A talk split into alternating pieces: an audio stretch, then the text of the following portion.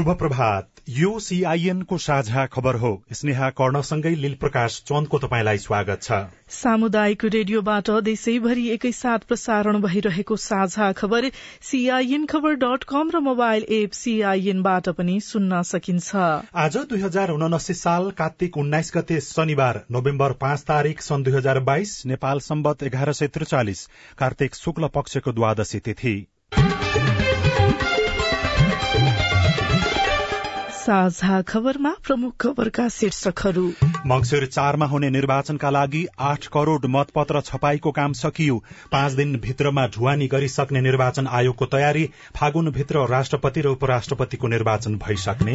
मतदाताका अपेक्षा बढ़दै र दोहोरिँदै दलहरूलाई जिम्मेवार बन्न विज्ञहरूको सुझाव डेंगी संक्रमण दरमा पचास प्रतिशतले कमी। आयात प्रतिबन्धले सवारी साधनका शोरूम सञ्चालनमा समस्या। तीन महिनामा पाउने तीन अर्बको विद्युतीय सवारी साधनको आयात बढ़ाइएको ब्याज दर फिर्ताको माग सहित व्यवसायीहरू सड़कमा। दक्षिण सुडानको दुई तिहाई जनसंख्या भोकमरीको जोखिममा पाकिस्तानका पूर्व प्रधानमन्त्री खानमाथि भएको आक्रमणको विरोधमा प्रदर्शन शुरू इबोला रोकथाम तथा नियन्त्रणका लागि आर्थिक अभाव हुँदा समस्या। र न्यूजील्याण्ड आईसीसी टी ट्वेन्टी पुरूष विश्वकपको क्रिकेटको सेमी फाइनलमा आज श्रीलंका अनि इंग्ल्याण्ड बीच खेल हुने।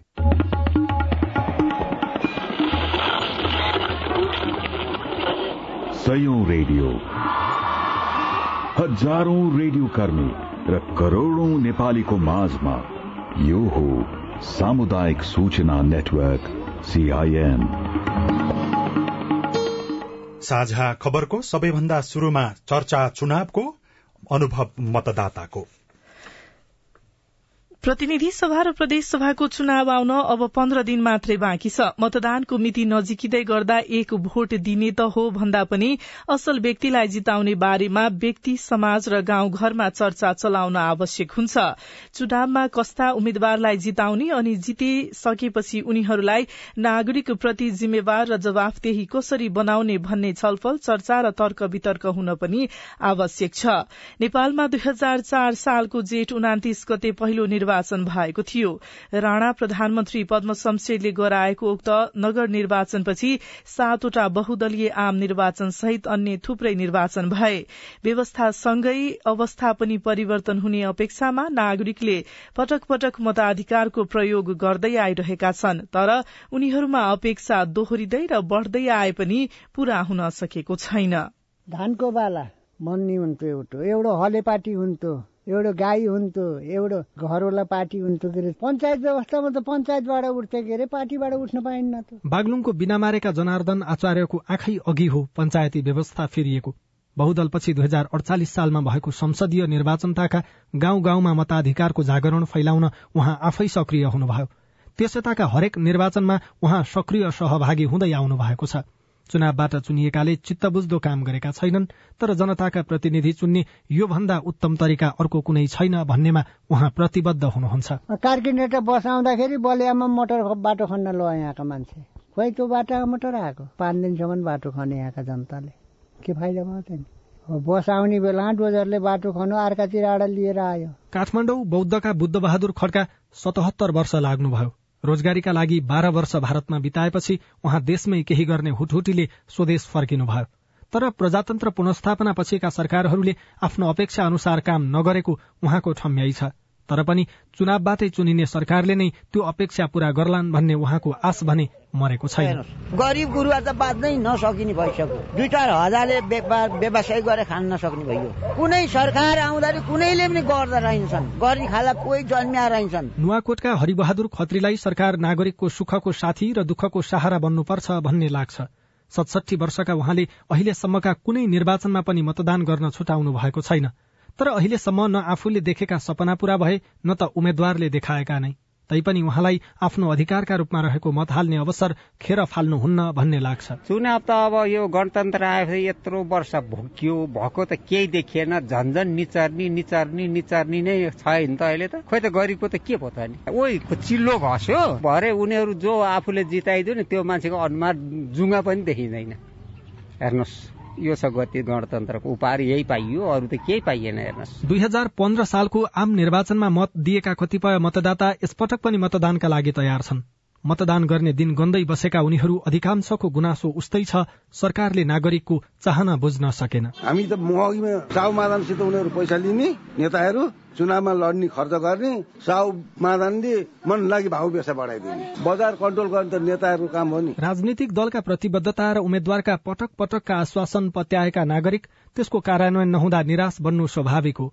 तर नेतृत्व परिवर्तन गर्ने लोकतान्त्रिक विधि भनेकै मतदान हो भन्नेमा पनि मतदाता स्पष्ट छन्। भोट त हाल्छु नि। भोटको त एउटा ठुलो महत्वपूर्ण हो नि त। हामी जन्मेपछि हुर्केपछि हामीले त एउटा भोट पनि दिन सकेन भने के काम छ? निर्वाचनको लामो अनुभव लिएका ज्येष्ठ मतदाताहरू मतदानलाई लिएर जति उत्साहित छन् त्यति नै चुनिएर जाने प्रतिनिधिप्रति सशंकित पनि छन्। अविनाश आचार्य सीआईएन काठमाडौँ। मनभरि गुनासा र केही निराशा बोकेर पनि निर्वाचनबाटै आफ्नो जनमत प्रकट गरिरहेका मतदाताले बालिक नागरिक हुनुको दायित्व र जिम्मेवारी निर्वाह गरिरहेका छन्। तर निर्वाचन जितेपछि राजनीतिक दल र विजेता आफूले पाएको मतप्रति नै जिम्मेवार अनि जवाबदेही किन नभएका होलान्? हामीले सुशासन बारेका एकजना अध्येता उप प्राध्यापक दिपेश घिमिरेलाई सोधेका छौं। हाम्रो पोलिटिकल पार्टी र पोलिटिकल पार्टीमा आबद्ध राजनीतिक दलका नेता र त्यसका अब कार्यकर्ता भनौँ यिनीहरू जिम्मेवार हुनुपर्छ र जवाबदेही हुनुपर्छ। नभएदेखि मैले यस्तो पनिसमेन्ट पाउँछु भन्ने कुरा चाहिँ हाम्रोमा अहिले पनि विकसित भएको छैन। जस्तो निजामती कर्मचारी जवाबदेही हुनुपर्छ भएन भने मेरो प्रमोसन रोकिन्छ। वा निजामती कर्मचारी वा अरू शिक्षक जवाबदेही हुनुपर्छ नभए यस्तो हुन्छ भन्ने स्थिति छ। तर राजनीतिक दलले आफैले कानून बनाउने अवस्थामा उहाँहरूले नै कानून निर्माण गर्ने र आफूलाई चाहिँ त्यो एउटा कन्ट्रोल गर्ने र आफ्नो जुन त्यो भनौँ न जवाबदेहिता अभिवृद्धि गर्ने किसिमका चाहिँ संयन्त्रहरू वा त्यो किसिमको कुराहरू निर्माण नभइसकेको कारणले गर्दा म चाहिँ जे गर्दा पनि हुन्छ भन्ने एउटा किसिमको मनोविज्ञान बढेको हो कि जस्तो लाग्छ मलाई। जुन उत्साहका साथ मतदान गरिएको हुन्छ आफूलाई मन परेका अथवा विभिन्न कोणबाट सही लागेका उम्मेद्वारलाई अब उनीहरूलाई जितिसकेपछि पनि त्यो मतप्रति जवाबदेही जिम्मेवार बनाइराख्नका लागि नागरिकहरूले चाहिँ के गर्न सक्छन्? निर्वाचन प्रक्रियामा नागरिकको संलग्नतालाई बढाउनु पर्छ कानूनी रूपमा नि त्यसलाई सुनिश्चित गर्नुपर्छ त्यसको लागि निर्वाचन आयोगलाई पनि सबल र सक्षम बनाउनु पर्छ भन्ने लाग्छ। त्यसको लागि इलेक्ट्रोल प्रोसेस भने पाँचै वर्ष पोस्ट इलेक्सनमा पनि जो जितिसकेकाहरू उहाँहरूलाई निरन्तर जवाबदेही बनाउन एउटा त्यहाँ काम गर्नुपर्ने देखिन्छ। दोस्रो हरेक आफ्ना उम्मेद्वारहरू जो स्थानीय तहदेखि सङ्घीय तहसम्म निर्वाचित हुनुहुन्छ। उहाँहरूलाई हरेक छ महिनामा वा एक वर्षमा उहाँहरूको सोसियल अडिट गर्ने उहाँहरूको एसेसमेन्ट गर्ने उहाँहरूको लेखाजोखा राख्ने व्यवस्थित प्रणाली नागरिकले पनि सुरुवात गर्न सक्नुहुन्छ नागरिक समाजले पनि गर्न सक्छ। राजनीतिक दलले त प्रतिबद्धता गरिरहेछ नि त। म यो परिवर्तन ल्याउँछु घोषणा पत्र ल्याइरहेछन् यो कुरामा हामी सुधार गर्छौँ भनेर। उहाँहरूले पनि निरन्तर यो लेखाजोखा राख्ने एउटा संयन्त्र र संरचना चाहिँ एउटा प्रणाली चाहिँ सुरुवात गर्न सक्ने हो भने र कानुनी रूपमा चाहिँ निर्वाचन आयोगलाई निर्वाचन भन्दा पछाडिको अवधिमा पनि जो निर्वाचित भएका प्रतिनिधिज्यूहरूलाई मेन्टरिङ गर्ने र उहाँहरूलाई जवाबदेही नागरिकप्रति जवाबदेही बनाइरहने एउटा संस्थागत संरचना र प्रणालीको विकास गर्न सक्यौँ भने यसमा एक किसिमले जवाबदेहिता अभिवृद्धि गर्न सकिन्छ। प्रतिनिधि सभा तथा प्रदेश सभा सदस्य निर्वाचनका लागि मतपत्र छपाएको काम सकिएसँगै निर्वाचन आयोगले अबको पाँच दिनभित्रमा ढुवानी गरिसक्ने तयारी गरेको छ। आयोगका अनुसार प्रत्यक्ष निर्वाचन प्रणालीका लागि चार करोड़ तथा समानुपातिक निर्वाचन प्रणालीका लागि चार करोड़ गरी आठ करोड़ मतपत्र छपाई सकिएको छ। प्रत्यक्ष निर्वाचन प्रणाली अन्तर्गतका मतपत्र प्रत्येक निर्वाचन क्षेत्रमा पठाउन ढुवानीलाई तीव्रता दिइएको आयोगका सहायक प्रवक्ता ऋषि राम भूषालले सीआईएनसँग बताउनुभयो। समानुपातिक निर्वाचन प्रणालीतर्फको मतपत्र अलि अगाडि नै छपाई गरेर सम्पन्न भएर ढुवानी कार्य पनि सम्पन्न भइसकेको अवस्था हो। पहिलो हुने निर्वाचित हुने निर्वाचन प्रणालीतर्फको मतपत्र छपाईको कार्य सम्पन्न भई ढुवानीको कार्य निरन्तर रूपमा भएको छ र हामी तेइस चौबिस गतेसम्म सबै जिल्लामा चाहिँ ढुवानीको कार्य सम्पन्न हुन्छ। निर्वाचन अधिकृतको कार्यालयमा तेइस चौबिस गतेसम्म मतपत्र चाहिँ ढुवानी कार्य सम्पन्न भई त्यसपछि निर्वाचन अधिकृतको कार्यालयले मतदान केन्द्रमा जाने मतपत्रहरू तयार गरेर चाहिँ मतदान अधिकृतलाई जिम्मा लाउनुहुन्छ। एक सयवटा अपाङ्ग मैत्री मतदान केन्द्र बनाउने निर्णय अनुसार ती मतदान केन्द्रमा खटिने कर्मचारीलाई सांकेतिक भाषा प्रयोग सम्बन्धी अभिमुखीकरण समेत प्रदान गरिने आयोगले जनाएको छ। देशभर आगामी निर्वाचनका लागि बाइस हजार दुई सय सत्ताइसवटा मतदान केन्द्र निर्धारण गरिएको छ।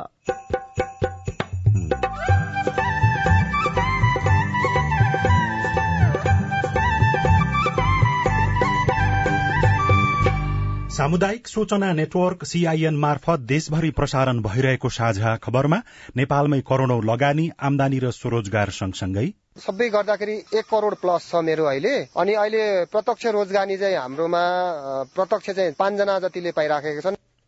डेंगी संक्रमण दरमा पचास प्रतिशतले कमी तीन महिनामा पाउने तीन अर्बको विद्युतीय सवारी साधनको आयात लगायतका खबर बाँकी नै छन्। सीआईएनको साझा खबर सुन्दै गर्नुहोला। आगामी मंगिर चार गते हुने प्रतिनिधि सभा तथा प्रदेश सभा सदस्य निर्वाचन मार्फत प्रतिनिधि सभा र सातै प्रदेश सभाले निर्वाचित सदस्य प्राप्त गर्नेछन्। मतदाता नामावलीमा नाम दर्ता भई मंगिर तीन गते अठार वर्ष उमेर पुग्ने नेपाली नागरिकले मंगिर चार गते आइतबार बिहान सात बजेदेखि बजेदेखि बेलुका पाँच बजेसम्म मतदान गर्न सक्नेछन्। मतदाताले प्रतिनिधि सभाका लागि पहिलो हुने निर्वाचित हुने निर्वाचन प्रणालीतर्फ एक मत र समानुपातिक निर्वाचन प्रणालीतर्फ एक मतका साथै प्रदेश सभाका लागि पनि पहिलो हुने निर्वाचित हुने निर्वाचन प्रणालीतर्फ एक मत र समानुपातिक निर्वाचन प्रणालीतर्फ एक मत गरी छुट्टा छुट्टै चारवटा मतपत्रमा एक एक छाप लगाउनु पर्नेछ निर्वाचनमा मतदान मार्फत आफूले चाहेको प्रतिनिधि छान्न सकिने हुँदा यो महत्वपूर्ण छ। त्यसैले सक्षम इमान्दार र योग्य उम्मेद्वारलाई मतदान गरी मताधिकारको सदुपयोग गरौं। निर्वाचन आयोग नेपाल। नेपाल टेलिकमको सूचनाको संसार। होइन के सुनेको यस्तो ध्यान दिएर दोहोरो बोलेको जस्तो नै देख्दिन। तिन दुई एक शून्य शून्य क्या? तिन दुई एक शून्य शून्य? के हो त्यो भने? बुझिन त। ल सुन एनटिसी प्रयोगकर्ताहरूले आफ्नो मोबाइल तथा ल्यान्डलाइनमा तीन दुई एक शून्य शून्य डायल गरी समाचार रेडियो कार्यक्रम खेल र अन्य विषयबारे सन्देशहरू जुनसुकै बेला निशुल्क सुन्न सक्छन्। ओहो निशुल्क? कस्तो सजिलो। समाचार सुन्न छुट्यो भनेर पिर लागेको थियो। अब त म पनि सुनिहाल्छु। कति रे? तिन दुई एक शून्य शून्य। सामाजिक रूपान्तरणका लागि यो हो सामुदायिक सूचना नेटवर्क सीआईएन तपाई अहिले देशभरिका सामुदायिक radio CIN Khabar dot com र मोबाइल एप सीआईएनबाट एकैसाथ साझा खबर सुन्दै हुनुहुन्छ। मोबाइल एप नेपाली पात्रोबाट पनि सीआईएनको साझा खबर सुनिरहनु भएको छ। अब बाँकी खबर। निर्वाचन नजिकिए सँगै दलहरूले प्रचार प्रसारका लागि सभा समारोहमा जोड़ दिन थालेका छन्। दलका शीर्ष नेताहरूले एकै दिनमा तीन चारवटा जिल्लाको चुनावी सभामा भाग लिन थालेका छन्। हिजो दार्चुलाको सदरमुकाम खलंगामा भएको चुनावी सभामा एमाले अध्यक्ष केपी शर्मा ओलीले आफ्नो पार्टीको नेतृत्वमा आगामी सरकार बनाउनु पर्ने बताउनुभयो।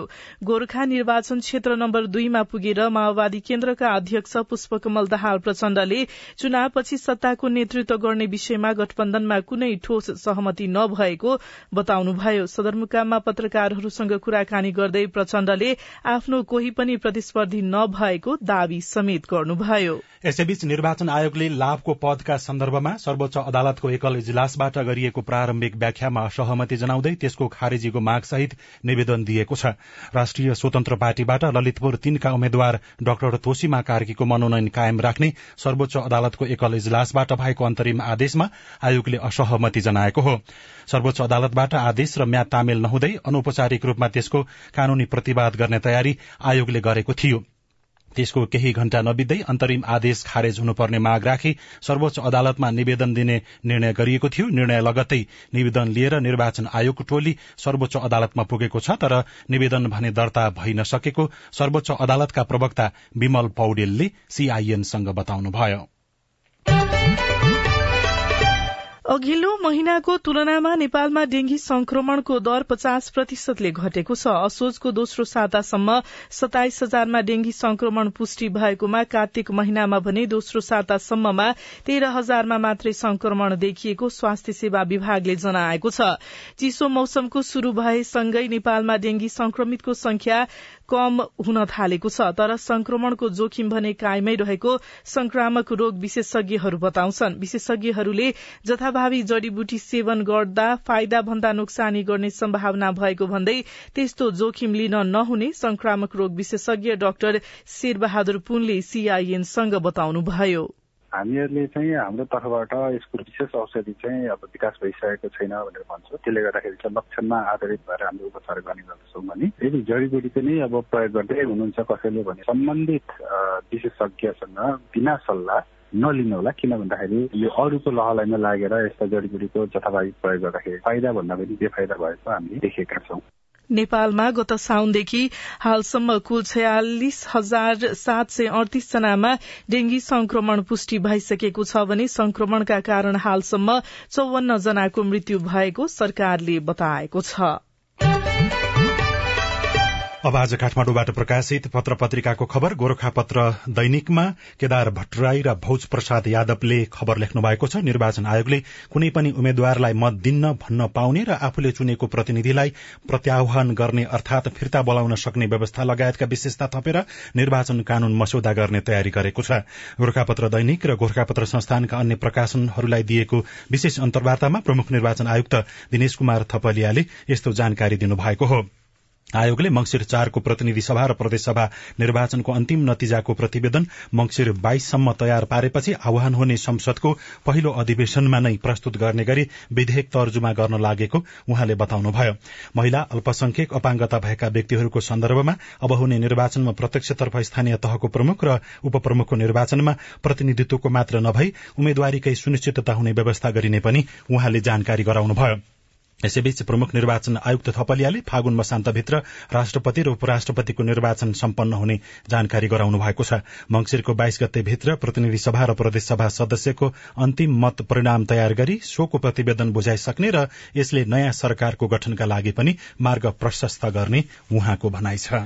नयाँ पत्रिका दैनिकको भित्री पृष्ठमा तीन महिनामा पाउने तीन अर्बको विद्युतीय सवारी साधन आयात शीर्षकमा खबर लेखिएको छ। पेट्रोल र डिजेलको मूल्य अत्यधिक बढ़ेपछि नेपालमा विद्युतीय सवारी साधनप्रति आकर्षण बढ़न थालेको छ। चालू आर्थिक वर्ष दुई हजार उनासी अस्सीको पहिलो तीन महिनामा दुई अर्ब सत्तरी करोड़ सतासी लाख बराबरको विद्युतीय सवारी साधन भित्रिएको भन्सार विभागको तथ्याङ्कले देखाएको छ।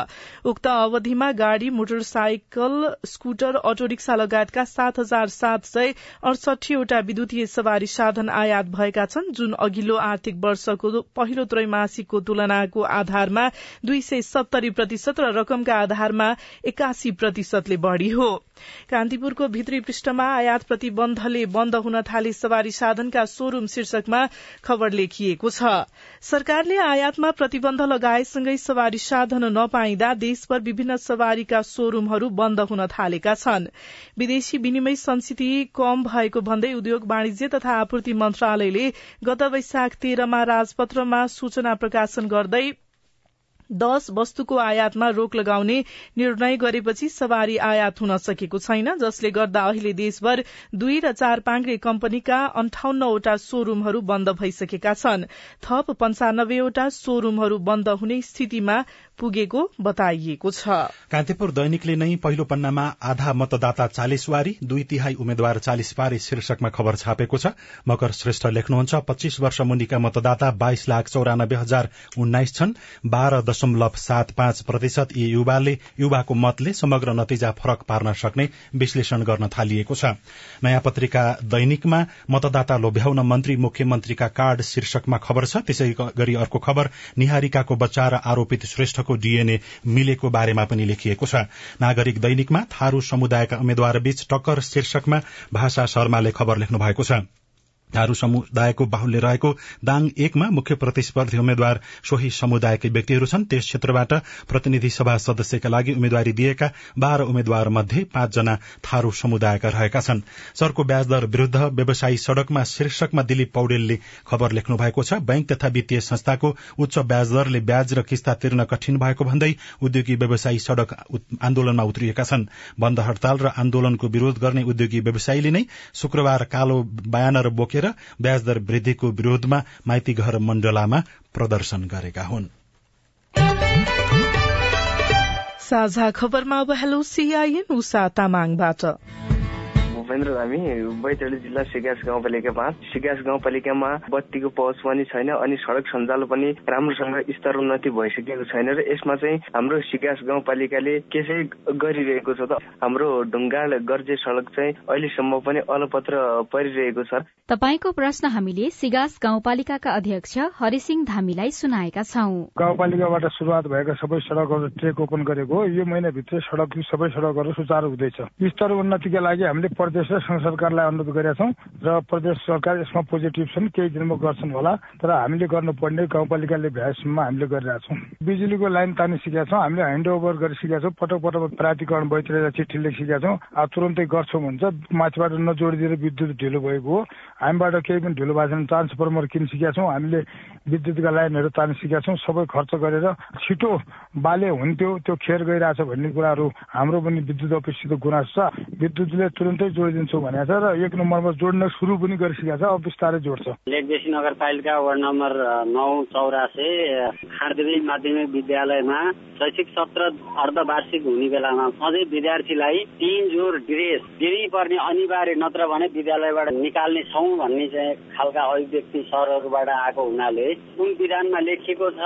जवाफ दिँदै हुनुहुन्छ लेकबेसी नगरपालिकाका शिक्षा अधिकृत पहलमान अधिकारी। ड्रेस चाहिँ विद्यालयमा लाउनु पर्ने हो। मैले त्यहाँको हेड सरसँग बुझ्दाखेरि हेड सरले त्यस्तो खालको चाहिँ अब उजुरी आएको छैन।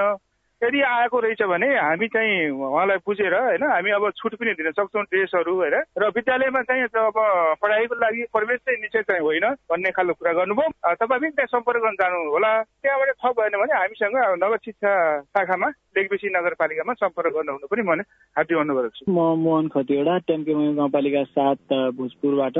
आठ क्लासको सर्टिफिकेटमा दस क्लासको सर्टिफिकेटमा र बाह्र क्लासको सर्टिफिकेटमा चाहिँ बुवाको नामको स्पेलिङ फरक फरक छ।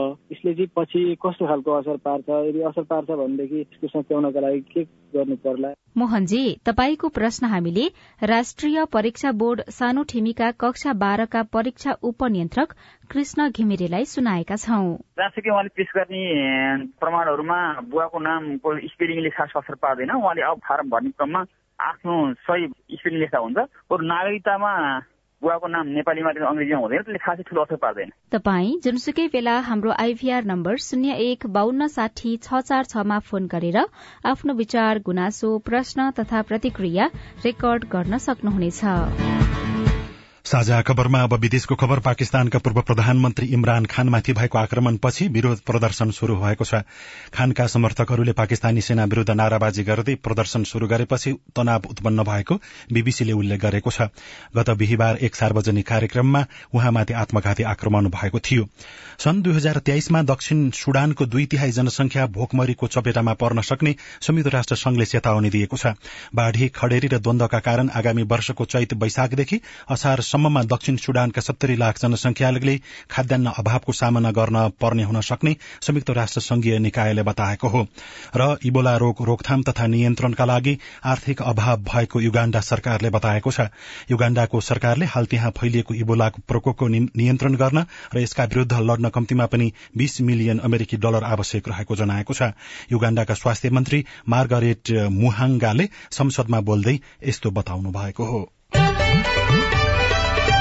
अब खेल खबर प्रधानमन्त्री कप एक दिवसीय क्रिकेटमा त्रिभुवन आर्मी क्लबले सुदूरपश्चिम प्रदेशलाई एक सय उनासत्तरी रनले हराएको छ। दुई सय त्रियासी रनको लक्ष्य पाएको सुदूरपश्चिमले उनातिस ओभर चार बलमा अल आउट हुँदै एक सय तेह्र रन मात्र बनाउन सक्यो। एपीएफ र गण्डकी प्रदेश बीचको खेल भने बराबरीमा सकिएको छ।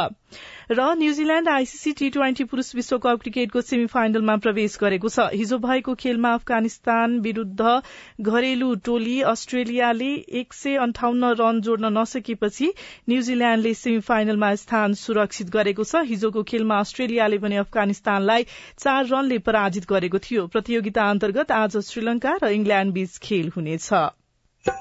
थोरै लगानीबाट समृद्ध बन्ने उपाय। रेडियो रिपोर्ट अरू खबर र कार्टुन पनि बाँकी नै छ। सीआईएनको साझा खबर सुन्दै गर्नुहोला। नमस्कार म रुबिना तामाङ। यौनिक तथा लैङ्गिक अल्पसंख्यक समुदायको प्रतिनिधिको रूपमा आज म कोभिड नाइन्टिनको बारेमा तपाईँहरूसँग केही कुरा गर्न गइरहेको छु। तपाईँहरूलाई थाहा नै छ कि कोभिड नाइन्टिनको नयाँ नयाँ भेरिएन्टहरू आउने क्रम जारी नै छ र संक्रमणको जोखिम पनि यथावत नै छ। त्यसैले कोभिड नाइन्टिनको संक्रमणबाट बच्ने मुख्य उपाय भनेकै कोभिड नाइन्टिन विरुद्धको खोप लगाउनु हो। सरकारले उपलब्ध गराए अनुरूप पाँच वर्षदेखि बाह्र वर्ष मुनिका सबैले पहिलो र दोस्रो मात्रा तथा बाह्र वर्ष माथिका सबैले बुस्टर डोजको मात्रा समेत लगाउनु पर्दछ। खोपले कोभिड नाइन्टिन संक्रमण र मृत्यु दर घटाउनमा ठूलो भूमिका खेलेको छ। यदि तपाईँले एचआईभी र टिभीका नियमित औषधिहरू अर्थात् एआरटी डट्स लिइराख्नु भएको छ भने पनि कोभिड नाइन्टिन विरुद्धको खोप लिन मिल्छ र लिनु अत्यन्तै जरुरी पनि छ। कोभिड नाइन्टिन संक्रमण र यसको जटिलता हुनबाट बच्ने हो भने त निर्धक्क भई कोभिड नाइन्टिन विरुद्धको खोप लगाउनु पर्छ। तर पूर्ण रूपमा सुरक्षित हुन त खोप लगाए तापनि नियमित रूपमा सही तरिकाले मास्क लगाउने एक अर्काको बीचमा कम्तीमा दुई मिटरको भौतिक दूरी कायम गर्ने अनि बेला बेलामा साबुन पानीले हात धुने वा सेनिटाइजर प्रयोग गर्ने गर्नुपर्छ। कोभिड नाइन्टिन विरुद्ध खोप लगाऊ कोभिड नाइन्टिन संक्रमणबाट बचौं र बचाऊ नेपाल सरकार स्वास्थ्य तथा जनसंख्या मन्त्रालय राष्ट्रिय स्वास्थ्य शिक्षा सूचना तथा संचार केन्द्र सेभ द चिल्ड्रेन र सीआईएनद्वारा जनहितमा जारी सन्देश। सामाजिक रूपान्तरणका लागि यो हो सामुदायिक सूचना नेटवर्क सीआईएन साझा खबरमा अब सफल उद्यमीको कथा। करिब एक दशक अघि ताप्लेजुङको फुङलिङ नगरपालिका सात दोखुमा दिलकुमार मेन्याङवोले शुरूआत गर्नुभएको फर्म अहिले जिल्लाकै नमूना बनेको छ। एक लाख रूपियाँबाट मात्र शुरू गरिएको उहाँको व्यवसाय अहिले करोड़मा परिणत भएको छ। एक सय बीस रोपनी जग्गामा कृषि उत्पादनसँगै गाई र सुँगुर फर्म सञ्चालन गर्नुभएको मेन्याङबोको कमाई वार्षिक तीसदेखि चालिस लाख रूपियाँ पुगेको छ। सदरमुकाम नजिक घोडे चौरमा करिब एक दशक अघि कृषि फर्म शुरू गर्नुभएका मिन्याङबुले तरकारीका लागि पचास रोपनी र बाँकी जग्गामा गाई र सुँगुर फर्म सञ्चालन गर्नु भएको छ। आफ्नै गाई र सुँगुर फर्म भएर प्राङ्गरिक मल प्रशस्त मात्रामा भएकाले कृषि उत्पादन पनि राम्रो छ अनि आमदानी पनि। त्यही भएर दिलकुमार दिल खोलेर आफ्नो फर्ममा काम गर्नुहुन्छ। टोटल एरिया चाहिँ फर्मको टोटल कभरेज चाहिँ एक सय बिस रोपनीमा अहिले हामीले काम गरिरहेछौँ। तरकारीको लागि लगभग पचास रोपनी जति तरकारीले कभरेज गरेको छ। बाँकी चाहिँ अब गाई फर्म भएको कारणले घाँसहरूको लागि हामीले तयारी गरेको छौँ। मेन्याङबोको फर्ममा रतन थुलुङ र उहाँको परिवारले मासिक तलबमा काम गर्न शुरू गरेको करिब सात वर्ष भयो। तलबले घर व्यवहार चलाउन मात्र होइन छोराछोरी पढाउन पनि पुगेको छ। रतनसँगै अन्य पाँच जनाले पनि फर्ममा निरन्तर काम पाएका छन्। उनीहरूले रोजगारी सँगसँगै सिप पनि प्राप्त गरेको बताउँछन्। यहाँ नआएको भए यति मलाई अब यो सिकिन्थेन होला यो जानिन्थेन होला कहाँ हुन्थ्यो होइन? यहाँ आएपछि सबै थाहा भइसक्यो। रोजगारी पनि पाइयो अनि सिप पनि अब जान्ने पनि सबै पाइयो यहाँ जिल्लाको पाथिभर याङ गाउँपालिका थेचम्बुका दिलकुमार फुङडिङमा बसोबास गर्न थाल्नु भएको करिब एक दशक भन्दा बढी भयो। उहाँले शुरूमा कपडा पसल चलाउनु भयो तर खासै फाइदा भएन। त्यसपछि कृषि फर्ममा जोडिएको उहाँ बताउनुहुन्छ। चौध वर्षको अवधिमा उहाँको फर्मबाट थुप्रै मानिसहरूले सिप सिकेर आफै उद्यमी समेत बनेका छन्। आमदानी र इच्छा अनुसारको पेसा गर्न पाएकोमा दिलकुमार सन्तुष्ट हुनुहुन्छ। यसको लगानी चाहिँ मेरो सबै गर्दाखेरि एक करोड प्लस छ मेरो अहिले। अनि अहिले प्रत्यक्ष रोजगारी चाहिँ हाम्रोमा प्रत्यक्ष चाहिँ पाँचजना जतिले पाइराखेका छन् र अरू टाइम टाइम गरेर चाहिँ दसजना जतिले चाहिँ ओभर टाइम गरेर अरू जस्तै कन्ट्याक्टमा गरेर चाहिँ दसजना जतिले चाहिँ गरिरहेछन्। दुई हजार पैसठी सालदेखि निरन्तर रूपमा कृषि पेसामा आबद्ध हुनुभएका उहाँले आमदानीको स्रोत बढाउँदै लैजानु भएको छ। साथै करिब दसजनालाई प्रत्यक्ष तथा अप्रत्यक्ष रूपमा रोजगारी समेत प्रदान गर्दै आउनु भएको छ। Krishna Phurumbo Limbu CIN radio Tamor Taplejung.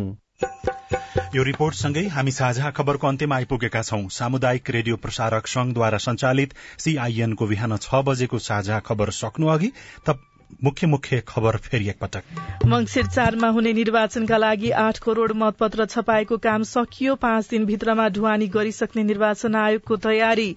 फागुनभित्र राष्ट्रपति र उपराष्ट्रपतिको निर्वाचन भइसक्ने। मतदाताका अपेक्षा बढ़दै र दोहोरिँदै दलहरूलाई जिम्मेवार बन्न विज्ञहरूको सुझाव। डेंगी संक्रमण दरमा पचास प्रतिशतले कमी। आयात प्रतिबन्धले सवारी साधनका शोरूम सञ्चालनमा समस्या। तीन महिनामा पाउने तीन अर्बको विद्युतीय सवारी साधनको आयात। बढ़ाइएको ब्याज दर फिर्ताको मागसहित व्यवसायीहरू सड़कमा। दक्षिण सुडानको दुई तिहाई जनसंख्या भोकमरीको जोखिममा पाकिस्तानका पूर्व प्रधानमन्त्री खानमाथि भएको आक्रमणको विरोधमा प्रदर्शन शुरू इबोला रोकथाम तथा नियन्त्रणका लागि आर्थिक अभाव हुँदा समस्या? र आईसीसी टी ट्वेन्टी पुरूष विश्वकप क्रिकेटमा आज श्रीलंका अनि इंग्ल्याण्ड बीच खेल हुने। साझा खबरको अन्त्यमा कार्टुन। कार्टुन हामीले पहिलो पोस्ट डट कमको अनलाइन संस्करणबाट लिएका छौं। रविन्द्रले बनाउनु भएको कार्टुन हो। व्यङ्ग्य गर्न खोजिएको छ। दलहरूको घोषणा पत्रमा घोषणा पत्रमा राम्रा राम्रा कुरा लेखिएपछि नागरिक पनि उत्साहित र आशावादी हुन्छन् नै। यहाँ एउटा घरको आँगन जस्तो छ एकजना व्यक्ति झोला बोकेर माला लगाएर कतै निस्कदै गरिराखेको जस्तो देखाइएको छ र पछाडिपट्टि अर्को एकजना महिला र अलि पछाडि एकजना बालक दौड़िराखेको जस्तो देखिएको छ। ती महिलाको हातमा घोषणा पत्र रहेको छ र ती केही बोल्दैछन् माथि चाहिँ यस्तो लेखिएको छ। चुनाव जित्यो भने नेपाललाई सिंगापुर जस्तै बनाइदिने कुरा छ। अहिले नै खाडी नजाऊ क्या बुढा। हवस् प्राविधिक साथी सुभाष पन्तलाई धन्यवाद। अहिलेलाई लीलप्रकाश चन्द्र स्नेहा कर्ण विदा भयो। तपाईँको आजको दिन शुभ होस्। नमस्कार।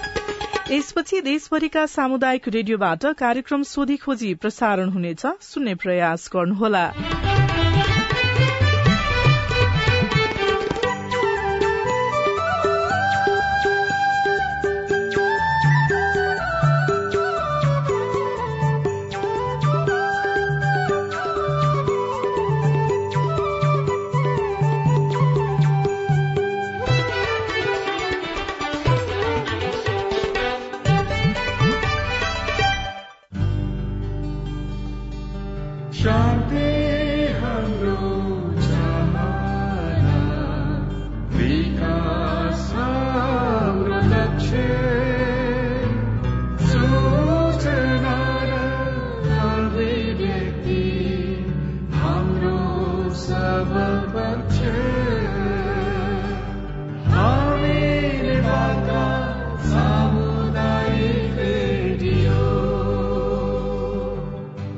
सामाजिक रूपान्तरणका लागि यो हो सामुदायिक सूचना नेटवर्क सीआईएन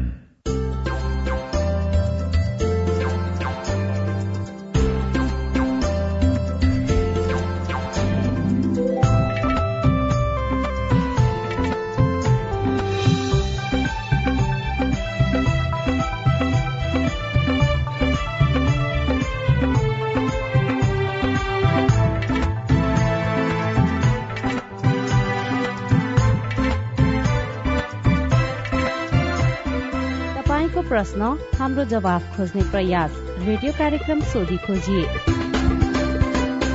नमस्कार।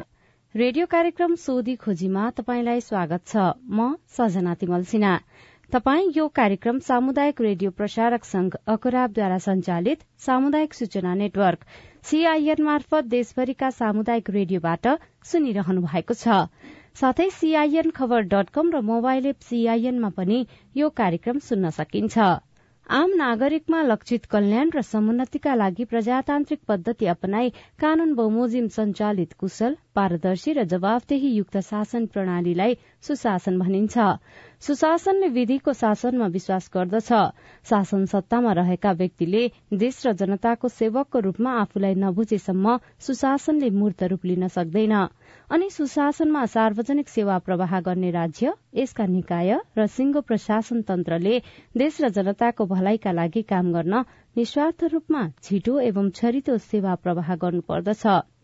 तपाईँले ती सेवा कसरी पाइरहनु भएको छ? तपाईँका सवाल र सेवालाई नागरिक मैत्री बनाउन केही प्रश्न तथा जिज्ञासाहरू छन्? तपाईँले सीआईएनमा पठाएका तिनै प्रश्न जिज्ञासाको हामी जवाब सोध्नेछौ। तपाईँले गरेको प्रश्न नै सवाल हो। सवालको जवाब कसले दिन्छ? यी जम्मै सवालको प्रमुख जिम्मेवार को हो? हामी जिम्मेवार निकाय र व्यक्तिलाई सोध्ने मात्रै छैनौं त्यसको खोजी पनि गर्नेछौं। तपाईँको प्रश्नको उत्तर मात्रै खोज्ने छैनौं त्यसपछि त्यो सवाललाई टुङ्गोमा पुर्याउन के भइरहेको छ त्यसको पनि सोधी खोजी गर्नेछौ। हाम्रो टेलिफोन नम्बर शून्य एक बान्न साठी छ चार छमा फोन गरेर रेकर्ड गर्नुहोस्। यो नम्बरमा तपाईँले जुनसुकै बेला फोन गरेर आफ्नो प्रश्न रेकर्ड गर्न सक्नुहुनेछ। तपाई प्रश्न राख्नुहोस् हामी जवाब खोज्नेछौ कार्यक्रम सोधी खोजीमा। देश संघीयतामा गएपछि सात सय त्रिपन्नवटा स्थानीय सरकार छन्। सात प्रदेश सरकार र केन्द्रमा संघीय सरकार छ।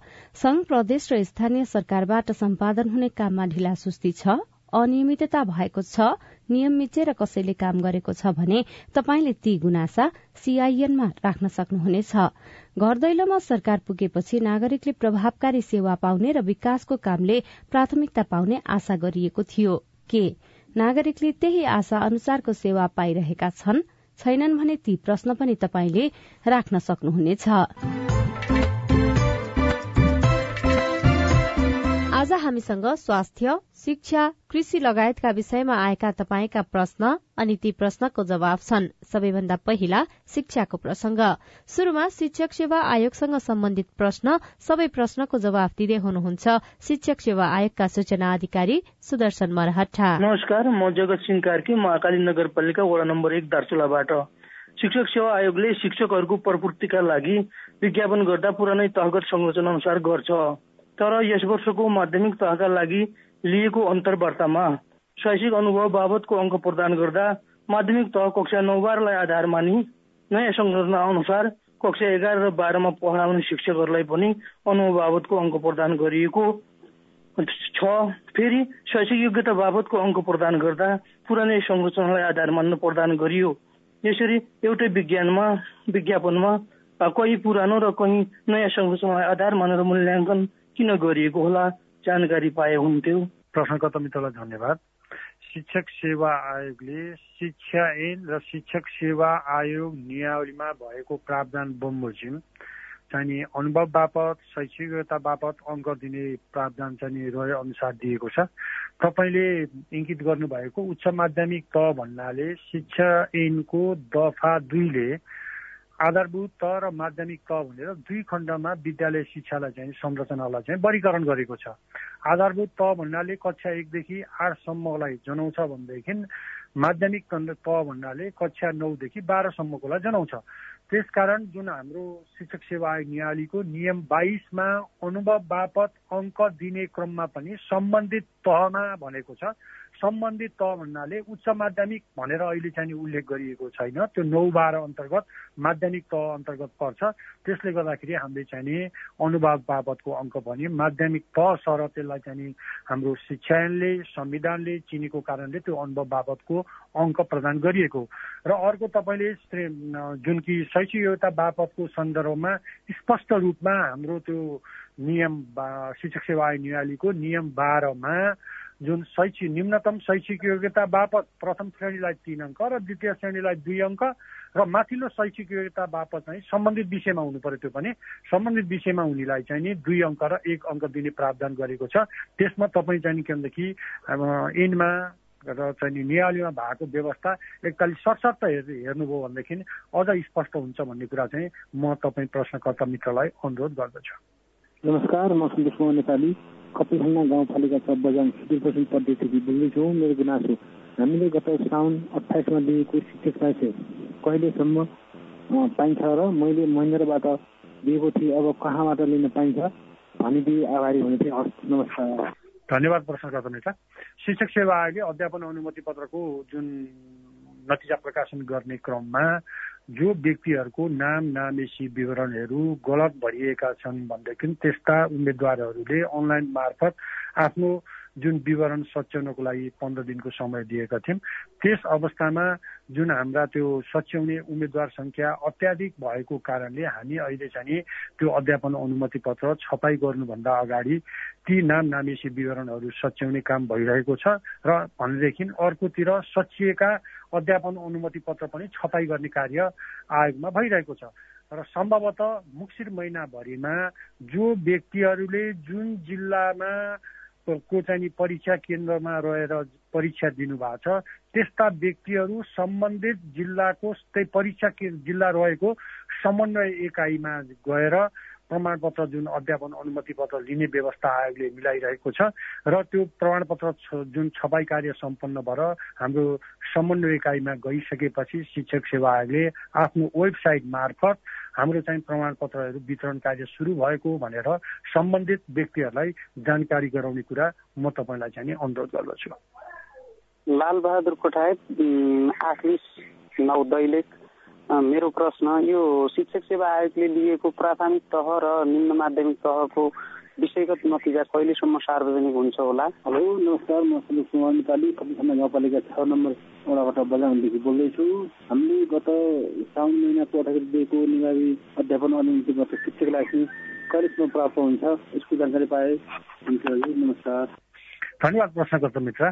जुन कि हामीले निम्न माध्यमिक र माध्यमिक तह प्राथमिक तहको जुन हामीले चाहिँ नतिजा प्रकाशन गर्ने कुरा कार्तिक र मुक्सिर भनेर हामीले तोकिएका छौँ र हामी यसै बिचमा माध्यमिक तहको परीक्षा अन्तर्वार्ताको नतिजा समेत प्रकाशन गर्ने कार्यमा हामी संलग्न भएको कारणले हामी मुक्सिर महिनाभरिमा चाहिँ यी दुवै परीक्षाको नतिजा प्रकाशन गर्ने गरी चाहिँ आयोगले आफ्नो कार्य थालनी गरेको कुरा यहाँलाई जानकारी गराउन चाहन्छु।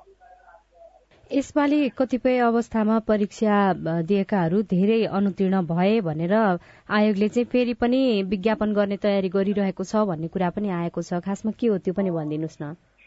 शिक्षक सेवा आयोगले चाहिँ शिक्षक सेवा आयोग नियावलीको नियम आठमा जुन कि हाम्रो स्थानीय तहको शिक्षा शाखाले जेठ महिनाभरिमा जिल्लाको सम्बन्धित जिल्लाको शिक्षा विकास वा समन्वय इकाइमा आफ्नो रिक्त दरबन्दी विवरण पठाउने र समन्वय इकाइले साउनभरिमा चाहिँ जुन कि हाम्रो शिक्षा विकास शिक्षा तथा मानव स्रोत विकास केन्द्रमा पठाउने र शिक्षा तथा मानव स्रोत विकास केन्द्रले असोज महिनाभरिमा शिक्षक सेवा आयोगमा रिक्त दरबन्दी पठाउने भन्ने कानुनी व्यवस्था छ।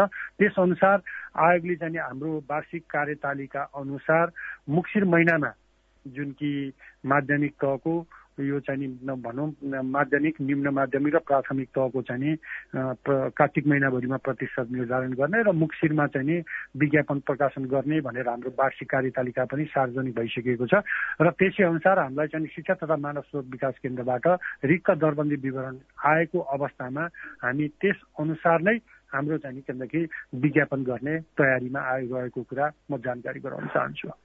स्याङ्जाबाट विकला राईले शिक्षक सेवा आयोगको परीक्षामा उत्तीर्ण भइसकेको छु।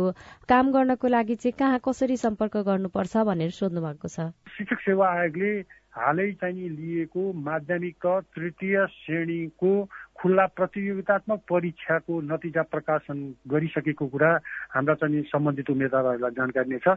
उहाँहरूको नियुक्तिको लागि चाहिँ हामीले शिक्षा तथा मानव स्रोत विकास केन्द्रमा सिफारिस गरेर पठाइसकेका छौँ र उहाँहरू शिक्षक सेवा आयोगमा भन्दा पनि अब शिक्षा तथा मानव स्रोत विकास केन्द्रमा सम्पर्क राखेर आफ्नो नियुक्ति कहिले कसरी र के भन्ने कुरामा उहाँहरूले जानकारी लिन सक्छन् सक्नुहुन्छ भनेर यहाँकै सञ्चार माध्यम मार्फत चाहिँ म सम्पूर्ण सफल भएका जो उम्मेद्वारहरू हुनुहुन्छ उहाँलाई जानकारी गराउँछु र उहाँको चाहिँ जुन शिक्षक सेवामा भनौँ यो शिक्षक पदमा जुन आइरहनु भएको छ उहाँहरूलाई सफल हुनुभएकोमा उहाँहरूलाई चाहिँ बधाई दिँदै उहाँको चाहिँ पठन पाठन कार्यले चाहिँ अझ विद्यालय शिक्षा चाहिँ गुणस्तरीय शिक्षा दिनको लागि चाहिँ यहाँहरू चाहिँ तल्लिनुहोस् भनेर शुभकामना समेत शिक्षक सेवा आयोगको तर्फबाट र मेरो व्यक्तिगत तर्फबाट पनि यहाँहरूलाई दिन चाहन्छु। उहाँ हुनुहुन्थ्यो शिक्षक सेवा आयोगका सूचना अधिकारी सुदर्शन मरहटा